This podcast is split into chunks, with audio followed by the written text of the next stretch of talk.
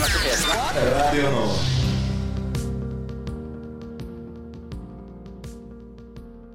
Hallo, mitt navn er Ingrid Karoline Karlsen. Og eh, med meg i studio så har vi Selma, men hun er litt sånn borte på teknikken. Velkommen til Studentnyhetene, og riktig god fredag. Vi har nemlig spennende saker for deg i dag. Uh, vi skal snakke om kjønnsnøytrale toaletter, uh, som har blitt mer og mer vanlig. Vi har snakka med leder for Skeiv Ungdom om saken. Eh, Students at Risk-ordninga har hjulpet flere internasjonale studenter, og vi skal snakke om hva ordninga er, og ordningas framtid.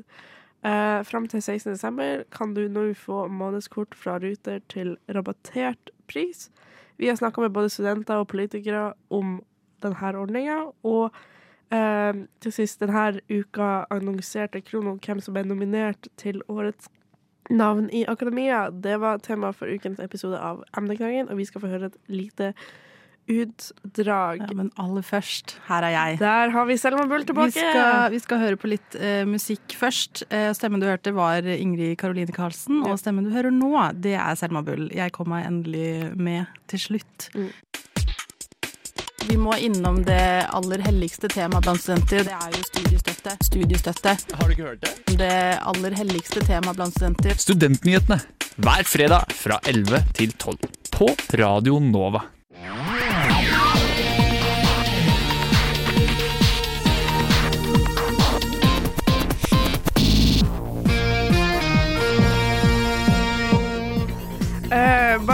Én av ti kjønnsforskere ved norske universiteter er menn. Det bekymrer Likestillingsombud, Mannsforum og forskere selv. eh, som sier til Krono at det kan føre til at tema som angår menn, ikke blir nok forska på. Det finnes nesten ikke et miljø i akademia som er så kvinnedominert eh, og lite likestilt som kjønnsforskning.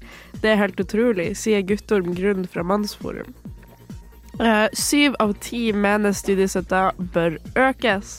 I en undersøkelse gjort av Sento Research kommer det fram at syv av ti nordmenn mener at studiestøtta bør økes. Det melder VG onsdag. Eh, Flere, bl.a. Oskar Christian Husby, leder av DKSF, eh, retter kritikk mot Borten Moe, som gjentatte ganger har uttrykt at regjeringa ikke vil øke støtten.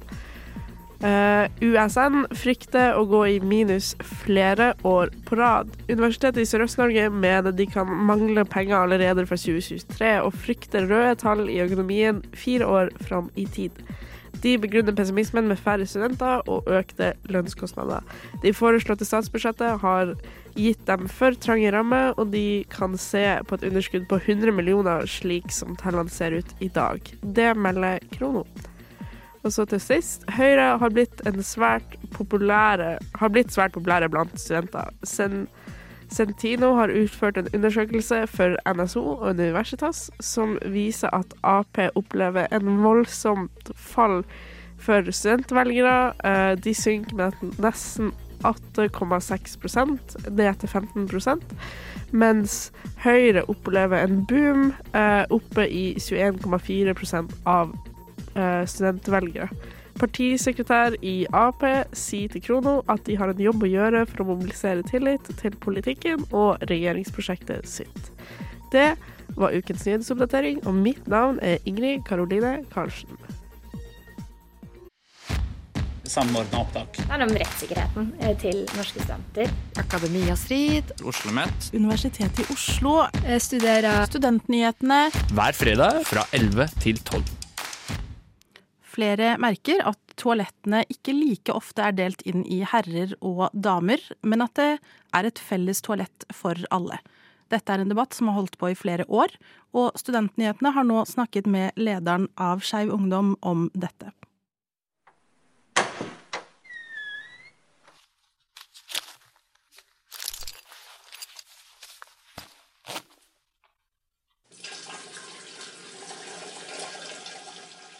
Debatten om kjønnsnøytrale toaletter blusser opp i ny og ne. Avisene floreres med leserinnlegg, og hver eneste gang kommer det fram mange meninger på begge sider. Det å gå på do kan være sårbart for mange, uavhengig kjønnsidentitet. FNs bærekraftsmål nummer seks sier at alle skal ha tilgang på rent vann og gode sanitærforhold. Altså er det å ha tilgang til et toalett en menneskerett. Studentnyhetene snakket med lederen i Skeiv Ungdom, Jane Victorius Båndsaksen. Tilgang på toaletter er jo eh, en rett du har, eh, både i forhold til helse, men også i forhold til trygghet ute i offentlige rom. Skeiv Ungdom er noen av de som kjemper for kjønnsnøytrale toaletter i offentlige rom. Altså, tilgang til toaletter er et helsetiltak, eh, men da må alle ha tilgang til toaletter som de er komfortable med å bruke. For noen kan det å bruke skjønne toaletter være ukomfortabelt. Dette gjelder særlig transpersoner, ofte ikke-binære fordi de føler de ikke passer inn, verken på herre- eller dametoalettet. Det bare ikke er så hyggelig å gå rundt og måtte på do. I 2016 vedtok Universitetet i Oslo at hvert fakultet skal ha et kjønnsnøytralt toalett. For at mange av fakultetene skulle nå målet, så ble handikaptoalettene de toalettene som skulle fungere som kjønnsnøytrale toaletter. Det er jo én løsning, eh, og så er det, det er jo problemer med det. På en måte så sidestiller jo det eh, personer som har funksjonsnedsettelser med eh, det å være trans. Som både invaliderer det å være trans, men også gjør det vanskeligere å bli humanisert når du har funksjonsnedsettelser. Båndsaksen forklarer at det er bedre med handikaptoalett som er kjønnsnøytralt, enn ingen kjønnsnøytrale toaletter. Det funker på fakulteter der det er få transpersoner, f.eks. Hen sier også at de har forståelse for at universitetet ikke er nybygd. Så ideelt sett så skulle det jo vært kjønnsnøytrale toaletter fra starten av, men i all hovedsak så bør det være kjønnsnøytrale toaletter i alle nye bygg. De viktigste argumentene mot kjønnsnøytrale toaletter er at det går utover kvinners sikkerhet, spesielt med tanke på uteliv. Mange ønsker heller ikke kjønnsnøytrale toaletter fordi man mener at det blir uhygienisk for kvinner når de må dele toaletter med menn. Igjen gjelder dette spesielt barer og klubber. Fordi selvsagt skal folk ha rom til å gå på do eh, trygt, eh, der de føler seg trygge. NRK i en artikkel om kjønnsnøytrale toaletter snakket med ISS, et firma som jobber med annet rengjøring. Firmaet opplever ingen forskjell i tiden brukt på å vaske herretoaletter i forhold til dametoaletter. Båndsaksen påpeker at man ikke trenger å fjerne alle skjønne toaletter. Argumenterer ikke for at det ikke skal være kjønna toaletter, altså argumenterer bare for at det skal være eh, likestilt mulighet for eh, kjønnsnøytrale toaletter. Andre argumenter er at det vil bli kortere ventetid for kvinner når det er kjønnsnøytrale toaletter. Med et stort felles toalettområde vil toalettene bli brukt mer effektivt, og ventetiden vil bli kortere, særlig for kvinner. I tillegg kan det være til fordel for foreldre med barn av motsatt kjønn. Det samme gjelder mennesker med funksjonsnedsettelser som har en hjelpepleier av motsatt kjønn. Med utviklingen vi har nå, vil kjønnsnøytrale toaletter først legges merke til på arbeidsplassen, skoler og universiteter.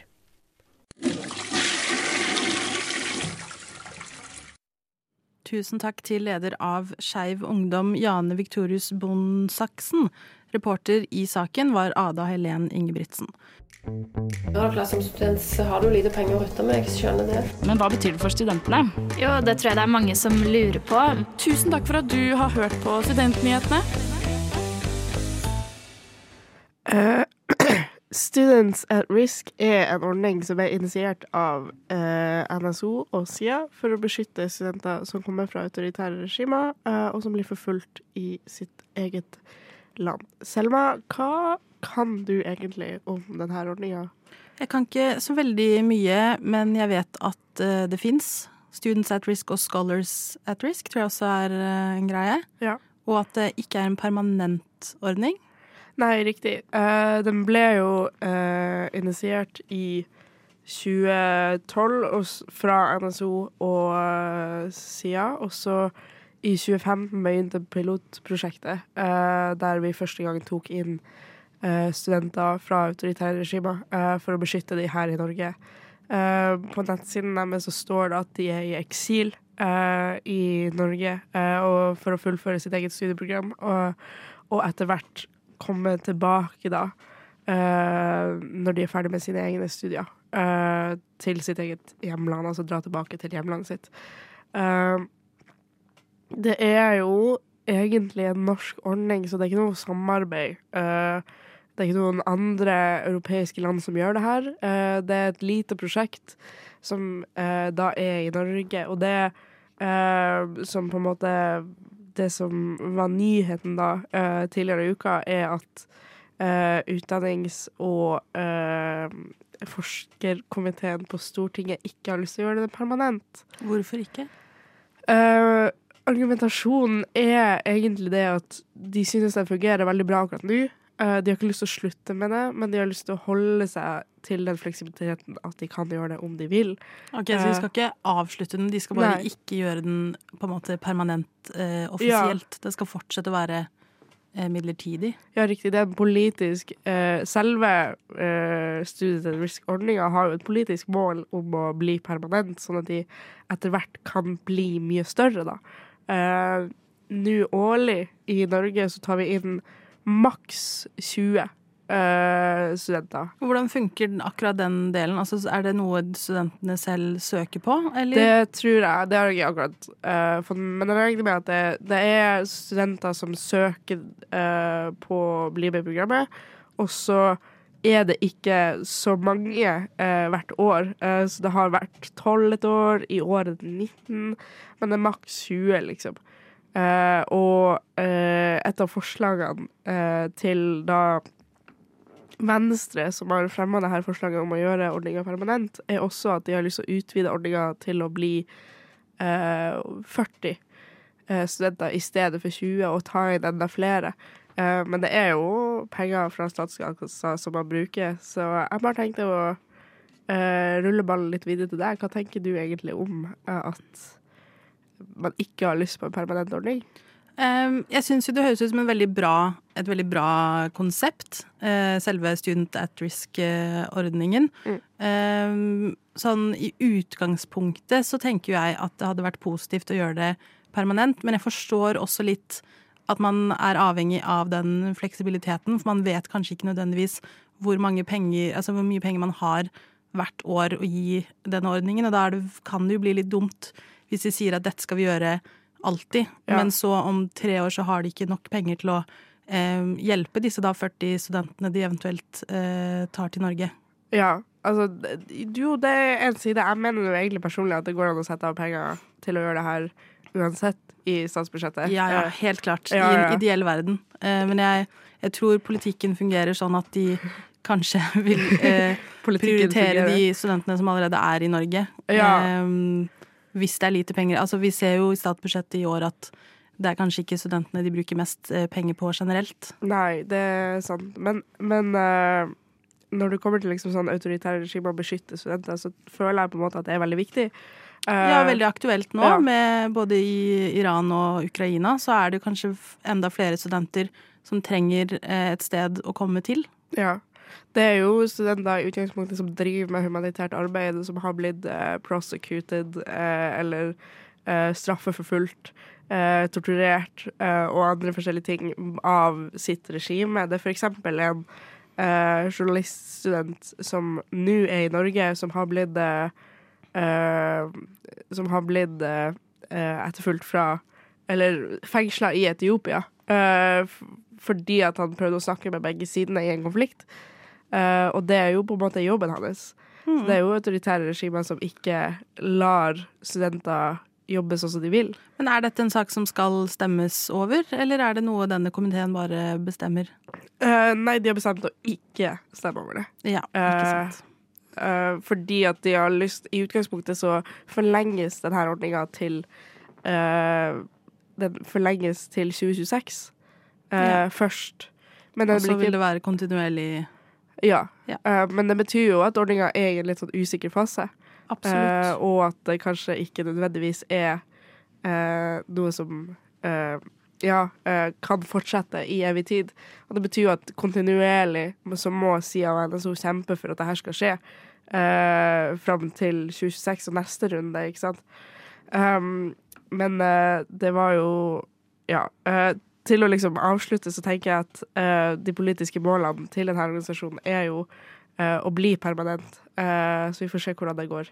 Studentpolitikk det har ikke vært en hovedprioritet. Så jeg er veldig glad for at dere er opptatt av det her. Tusen takk for at du har hørt på Studentnyhetene. Denne uken ble det klart at Ruter midlertidig kutter prisen på månedskort her i Oslo. På midlertidig basis. som jeg allerede har eh, sagt. Det vil dog si at månedskort for studenter nå koster 299 kroner frem til 16. desember. Blant studenter på Blindern er det mange som er godt fornøyde. Venstre reagerer på at tilbudet kun gjelder frem til jul, og etterspør en varig nedjustering av prisene. Prisene på månedskort hos Ruter blir nå dumpet. I stedet for å betale 488 kroner, skal studenter nå ut med 299 innenfor sone 1. Det melder NRK Oslo og Viken. Tilbudet varer fra 16.11 og én måned frem.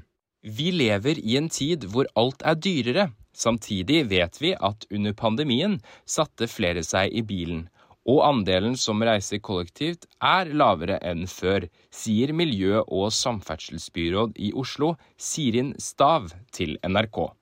Hun forklarer videre at tiltaket er innført for å øke andelen som reiser med kollektivtransport i hovedstaden. På Blindern er studentene godt fornøyd med julegaven fra Oslo-byrådet. Det høres jo bra ut. Det var jeg ikke klar over. Jeg har ikke fått med meg, faktisk. Nei. Men uh, det må jo ha skjedd noe sånn uh, akkurat nå, for jeg kjøpte jo for uh, to uker siden.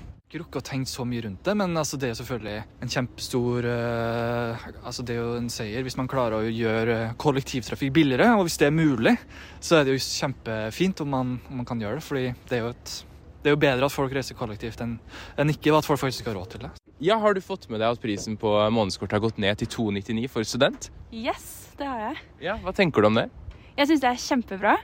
Men jeg skulle ønske at de informerte om det tidligere, for jeg er en av de som nettopp kjøpte månedskort. Det høres bra ut, hvis det varer litt lengre da. Ja. Eh, jeg syns det er veldig bra, et veldig fint tiltak, og jeg tror det hjelper mange studenter. Tenker du generelt at prisene er for høye på kollektivtransport? Um, ja, de har jo økt sånn sakte, men sikkert uh, siste årene eller et eller annet sånt.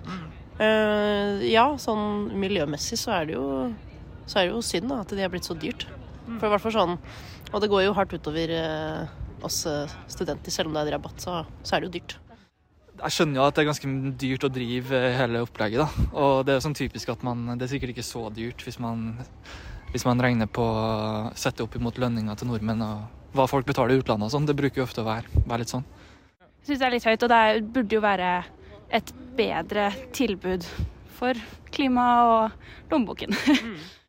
Ja, jeg føler at det er, det er, litt dyrt, men også, som han sa, det er vanskelig å vite hvorfor det er så dyrt. Det er kanskje veldig dyrt å holde med, spesielt nå med strømprisen, eller jeg vet ikke hvordan det er, men også, jeg tenker at det hadde vært fint om det var f.eks.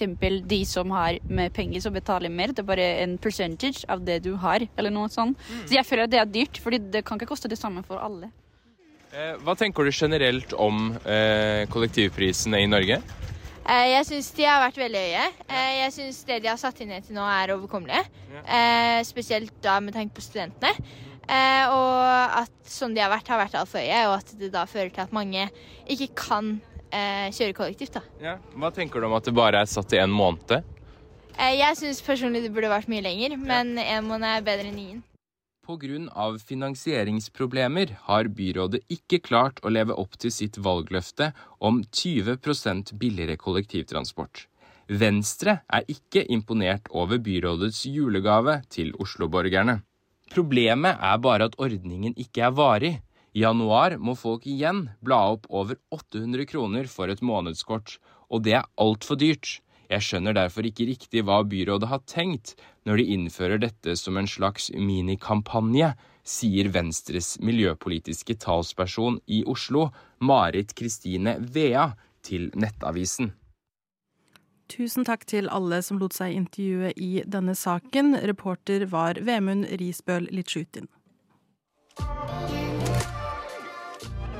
Har dere Senterpartiet glemt studentene når dere skrev deres valgprogram for Oslo? Altså, mulig, men Studentnyhetene. Vi er nyhetsprogrammet av og med studenter. Hver fredag fra 11 til 12 på Radio Nova. For tredje gang deler Krono ut prisen for årets navn i akademia. Totalt er det 23 nominerte, og vi går gjennom hvilke navn vi har merka oss i ukas emneknaggen. Eh, emneknaggen. Emneknaggen. Hæ? Debatt? Hva skal jeg si nå? Disputt. Debattforum. Argumentasjonsrekke. Diskusjon. Emneknagg. Emneknaggen. Studentnyhetenes debattprogram på Radio Nova. Vi er tilbake, og vi skal fortsette å snakke om eh, disse nominerte. Men jeg må komme med en liten rettelse, for jeg sa det bare var menn i dette mm, eh, vitenskapelige rådet til klimarealistene. Det er det ikke. Det er to kvinner av 27 som er menn. Så 25 menn og to kvinner. Eh, Da går vi rolig videre derfra. Og nå er det mm, på en måte én Altså det er Herregud, hvordan skulle jeg formulere dette nå? Det er en person som på en måte har blitt nominert to ganger. Takk, takk. Hva skulle jeg gjort uten deg, Sigrun? Eh, Anine Kierulf er nominert, og det er også Kierulf-utvalget som hun ledet. Eh, og vi kan jo da begynne med eh, Anine. Eh, begrunnelsen Altså, hun er eh, førsteamanuensis på UiO. Ja. Litt usikker på hvilket fag. Eh, Jeg tror det er innenfor jussen. Ja. Jeg er ganske sikker på at det er innenfor jussen. Og hun snakker jo da om, eh, om ytrings, eh, ytringsfrihet. Er vel hennes spesialitetsområde, rett og slett. Og eh, hvis du Jeg liker å på en måte sånn at folk skal se litt for seg hvem, hvem det er.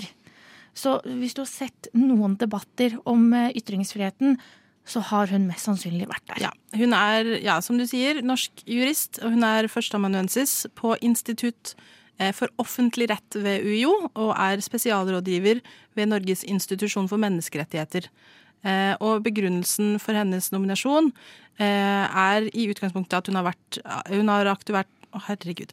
Hun har vært aktuell i alle år, men i år så kom jo denne da Kierulf-rapporten eh, med forslag til eh, ytrings, eh, ytringsvettregler.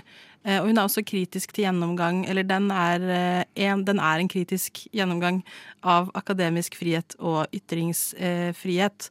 Og hun stiller opp og er tilgjengelig for å oppdra både akademia og andre i å styrke og være bevisst på viktigheten av ytringsfrihet. Ja. Eh, og da kan vi gå litt inn på Skjærulf-utvalget, som også da er nominert som en egen eh, navn, det, selve utvalget. Og hvorfor vi sier at hun er nominert to ganger, er for at hun har ledet det. Det. Sofie Høgestøl, som vi snakket om i stad, har også sittet Ja, i hun var en del av utvalget. Men hun har ikke ledet det. Nei, men eh, den som har sendt inn nominasjonen sier når jeg tenker tilbake på 2022, er det utvilsomt Skjærulf-utvalgets rapport om akademisk ytringsfrihet jeg husker best, som igangsetter eh, av et stort engasjement og debatt i ulike spalter, annet da hos Krono, som er de som deler ut eh, denne prisen. Utvalg, utvalget klarte å løfte debatten fra rapporten ut til debattsider, podkaster, intervjuer, reportasjer og eh, både nasjonale og institusjonelle seminarer. Så det var jo en veldig viktig rapport Ja. som kom. Eh, og det var jo veldig mange som satt i dette utvalget. Og så tenker jeg jo at det er bra at eh, vi fikk noen ytringsvettregler. At ja, du har ytringsfrihet. det, det, har, det, har vi, det har vi alle sammen i Norge, heldigvis. Men samtidig så er det også greit å være bevisst på at ordet, ordet er makt. Ord er makt. Eh, og det er denne Det er jo en ekspertgruppe på mange måter. Eh, og de skulle da annet vurdere om, og i da så fall hvordan, eh, universitets... Altså UHR-loven, eh, hvordan den bør endres, endres for å tydeliggjøre de ansattes akademiske ytringsfrihet og institusjonenes ansvar for og muligheter til å verne og støtte denne. Og det er jo rett og slett for at når man skal drive med forskning, så kan det hende at man må innom noen litt kontroversielle temaer uten at du nødvendigvis eh, mener noe om de. Du skal bare forske på de. Du må løfte eh, de skillelinjene og problemstillingene eh, som er. Og da kan man ikke være redd for at man eh, på en måte blir sensurert fordi at det du sier er upopulært. Krono vil i uken som kommer annonsere tre finalister, og prisen deles ut i Krono sine lokaler 15. desember. Hvis du vil høre hvilke andre navn eh, vi snakker om, eh, kan du høre Emneknaggen på podkast. Reportere i denne saken var Selma Bull og Sigrun Tårne. Nei, altså Vi skal fortsette å være en tydelig stemme. For studentene i Oslo. Og Akershus. Det er jo ikke alle som merker det. Studentnyhetene. Vi fremmer studentenes interesser. Vi er nå inne i det som er den beste tiden av året. Og da snakker jeg ikke om at det snart er advent og jul. Jeg snakker om at eh, alle partiene kommer nå med sine alternative statsbudsjetter. Oi, oi, spennende. Veldig spennende. Eh, forrige sending, altså forrige fredag, så gikk vi gjennom SV sitt alternative statsbudsjett. Og nå har Venstre kommet med sitt. Vi skal som sist gå gjennom det viktigste for studenter som foreslås i dette budsjettet. Og da kan jeg jo begynne med at eh, Venstre foreslår å øke studiestøtten for alle studenter til 1,3 G altså 1,3 ganger grunnbeløpet i folketrygden. SV på sin side de ville øke til 1,4, så det er litt lavere. Men de sier at dette er eh, første steg mot å øke til 1,5 G. Eh, hvis dette går gjennom, så vil da hver student få eh, 144 920 kroner i året. Ja. Hvor mye får vi nå? Ikke det, i hvert fall. Jeg er litt usikker på hva tallet er, men jeg lurer på om vi ikke er oppe i 1G engang. Nå skyter jeg rett fra hofta, så please ikke hold meg ansvarlig for informasjonen jeg kommer med der. Men eh, det som eh, må nevnes, da, er at, og det sa jeg nok også sist, er at eh, studiestøtten nå ikke er knyttet opp til grunnbeløpet i folketrygden. Den er knyttet opp til konsumprisindeksen, altså KPI. Eh, og verken SV eller Venstre sier om de har lyst til å da fortsette å ha den knyttet opp til KPI, men bare øke den til tilsvarende 1,3 G, eller om de vil knytte den opp til grunnbeløpet i folketrygden eller G. Så det, det vet jeg ikke helt. Det Eh, høres jo ut som om øh, Venstre, i hvert fall, øh, som sier at det er første steg mot å øke den til 1,5 G, øh, er inne på den tanken. Det, ja, det vet jeg ikke. Eh, NSO vil i hvert fall at den i utgangspunktet skal knyttes opp til grunnbeløpet i folketrygden, og så økes til 1,5 G. Eh, videre så vil de bedre tilbudet for studenter som sliter med ensomhet eller andre psykiske helseplager, eh, og komme med konkrete tiltak som da skal baseres på eh, studentenes helse- og trivselsundersøkelse, eller SHoT-undersøkelsen. Eh, og det setter de av 31, mill- eller vil de sette eh, 31 millioner kroner til, så det er jo en del. Eh, Det snakkes også da om å styrke mm, Mental Helses hjelpetelefon, f.eks. De vil også eh, De sier at de er opptatt av å opprettholde det internasjonale samarbeidet eh, for studenter, og da vil de gjøre dette eh, ved å reversere regjeringens forslag om å kutte stipendavdelen til norske studenter som vil studere i utlandet. I tillegg så vil de fjerne regjeringens forslag om å innføre skolepenger for studenter som kommer til Norge utenfra EU, EØS og Sveits. Altså det her er jo de de to delene der har jo blitt veldig debattert nå etter at regjeringens forslag til statsbudsjett kom, så det er jo veldig spennende nå som både SV og Venstre, to ganske sterke opposisjonspartier, sier at de vil fjerne disse tiltakene. Så det blir jo spennende å se hva som, hva som går gjennom. I tillegg så vil de også styrke midlene til internasjonalisering i høyere utdanning og forskning. Så det er jo tydelig at de setter dette internasjonale samarbeidet ganske høyt. Mm. Jeg vil tro at flere partier også gjør det. Det er jo Det her blir jo litt spekulasjon, men det er jo ikke Hva skal jeg si til, altså Det går jo ikke an å legge skjul på at det er lett for partier som er i opposisjon, å både snakke om at de vil øke studiestøtten samt fjerne disse delene her. I tillegg så kommer jo de med sine alternative statsbudsjetter. Mm. Selv om de har begynt å jobbe med de i forkant, så kommer de jo etter at regjeringens nei, forslag til statsbudsjett kommer. Er Så de kan jo se alle reaksjonene Ja. eh, og endre på eh, sitt forslag eh, deretter. Det er jo mye enklere å si at du vil noe eh, når du ikke har eh, the power, liksom. Ja, Det, er, det er veldig typisk eh, at de på en måte sier det de vet folket vil høre. Um, så det er jo spennende å se når forhandlingene starter, hva som går gjennom. Eh, det virker dog som at flere partier tar studentene litt mer på alvor, om det er fordi de er i opposisjon og har merket at det har vært mye debatt, eller om det er fordi at de faktisk tar studenter på alvor. Det er vanskelig for oss å si her i dag, men det blir i hvert fall spennende å se videre på flere alternative statsbudsjetter. Vi nærmer oss eh, tyvärr slutten på denne sendingen her. Sluten. Sluten. Eh, og selv om det er utrolig trist, så er det jo tegn på at det snart er helg. Det er helg. Fordi nå er klokka tolv, aka lunsjtid, eller straks tolv, da, eh, på en fredag. Og det betyr jo at helgen står for tur. Yes.